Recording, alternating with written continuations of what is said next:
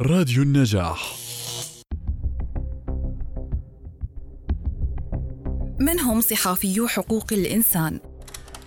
ترتبط الصحافة الحقوقية المميزة بعلاقة طردية مع مهنية الصحفي وكفاءته فكلما كان الصحفي مهنيا كلما كانت قصصه الصحفية على درجة عالية من الاحترافية. ولا يمكن للصحفي أن يتقدم خطوة إلى الأمام في إنتاج قصص صحفية قائمة على الاحترام حقوق الإنسان دون أن يكون ملما وعلى معرفة ودراية بالمهارات والأدوات الأساسية في تغطية حقوق الإنسان. ويبدو من الصعب تصديق وجود صحفي يعارض حقوق الإنسان. فصحافي حقوق الإنسان يؤمنون بحقوق الإنسان وأهميتها لعملهم ومجتمعاتهم. فالأمر يتعدى الوظيفة إلى الرسالة السامية للصحافة وهذا النوع منها بالتحديد.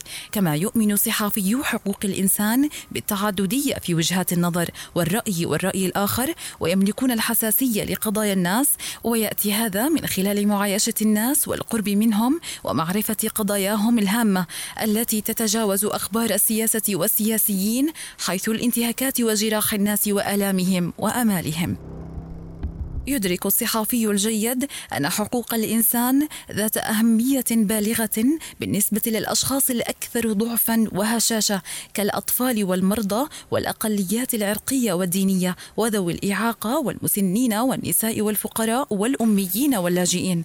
لذا يبذل الصحافي جهدا أكبر في سبر أخبار قصصهم وكشف معاناتهم ونشرها ومتابعتها بعد النشر. فهذه القضايا في الأغلب مفتوحة على احتمالات مختلفة مختلفة في منطقتنا العربية ونادرا ما تحل بشكل نهائي فإما أن يكون علاجها جزئيا أو موضوعيا أو يستمر إهمالها. يدافع الصحفي الجيد عن حقوق الإنسان بصورة مجردة بغض النظر عن اعتبارات الدين والقومية والعرق فهو فاعل مدني اجتماعي وليس سياسيا وإن كان عمله يتقاطع مع القضايا السياسية. ما من شك أن الصحافة الجيدة هدفها أن تؤثر في القضايا السياسية والاقتصادية والاجتماعية والثقافية لكن بأدوات صحفية مهنية. إذ تقوم الصحافة على مبادئ وقيم إنسانية وهي قيم عالمية. عالمية تشكل جوهر العمل الصحفي المهني كالحرية والديمقراطية وحقوق الإنسان وبحيث يؤدي تحقيق هذه القيم الإنسانية إلى نتائج سياسية يستفيد منها الناس.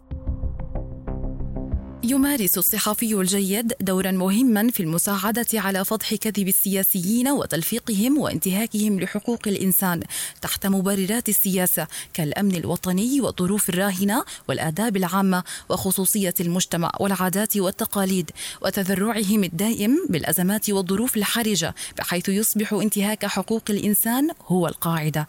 ولا ننسى أن حقوق الإنسان الحديثة جاءت ردا على مآسي وفضائع الحرب العالمية الثانية ومحاولة لتعزيز السلم والأمن وتجنب تكرار ما حدث من جرائم إنسانية مرة أخرى. يميز الصحافي الجيد بين الحقوق المتوازنة بين الحق في النشر والحق في الخصوصية والحياة الخاصة والعائلية والمنزل والمراسلات ويخضع قصصه للفحص الأخلاقي والمهني قبل النشر حتى لا يسبب الأذى والضرر ومس الكرامة وصم الناس عبر إصدار الأحكام.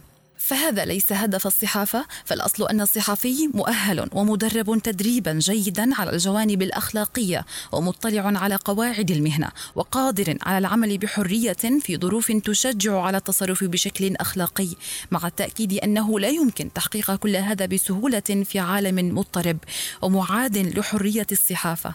إن الاحتراف في الصحافة هو فيما يتعلق بالآخر وهي مؤطرة بأخلاقيات الرسالة الصحفية قول الحقيقة والاستقلال والمسؤولية تجاه الآخرين. يستطيع الصحفي الحقوقي الوصول إلى مصادره بشكل جيد وبناء الثقة معها خاصة مع الضحايا والمؤسسات الحقوقية وهو قادر على الوصول إلى معلومات دقيقة وموثقة عبر المصادر البشرية والمادية والرقمية والتأكد من صدقية المصادر ودقة رواياتها وغاياتها من وراء ذلك. يقابل الصحفي الجيد الضحايا دون أن يجرهم أو ينكأ آلامهم جبرا. فالسعي إلى استدرار عواطف الناس على الشاشات وفي الصور لا يعني أن القصة الصحفية جيدة ولها تأثير بل يتوجب على الصحفي الجيد أن يحث الناس على الحديث بعفوية وتلقائية وثقة ويبدد مخاوفهم ولا يعدهم بالأمل الزائف والحلول السحرية فهذه ليست مهمته. حماية الصحفي لنفسه وقصته ومصادره أولوية استراتيجية مهما كان حجم القصة وموضوعها وهي أمور تحتاج إلى التدريب والمهارة والأمن الرقمي والجسدي والحماية القانونية للصحفيين. أساسيات يجب عدم إهمالها أو التفريط بها فعلى مدى السنوات العشرين السابقة تم استهداف أكثر من ألفين صحفي حول العالم من قبل سياسيين ورجال حكومة ومال وأعمال وقد أفلت كثير منهم من العقاب. يعرف الصحفي الحقوقي القوانين والأنظمة والتشريعات المحلية والدولية ذات العلاقة بحقوق الإنسان وهذا يساعده كثيرا في إنتاج قصصه الحقوقية ومعالجة سياق القصص. كما يتابع الصحفي كل ما هو جديد في حقل حقوق الإنسان ويطلع على تقارير حقوق الإنسان الصادرة عن المنظمات الدولية أو المحلية ذات العلاقة أو الأممية مثل مجلس حقوق الإنسان ومفوضية شؤون اللاجئين اللاجئين وغيرها وقرارات المحاكم في القضايا الإنسانية مثل المحكمة الأوروبية لحقوق الإنسان والمحكمة الجنائية الدولية وغيرهما.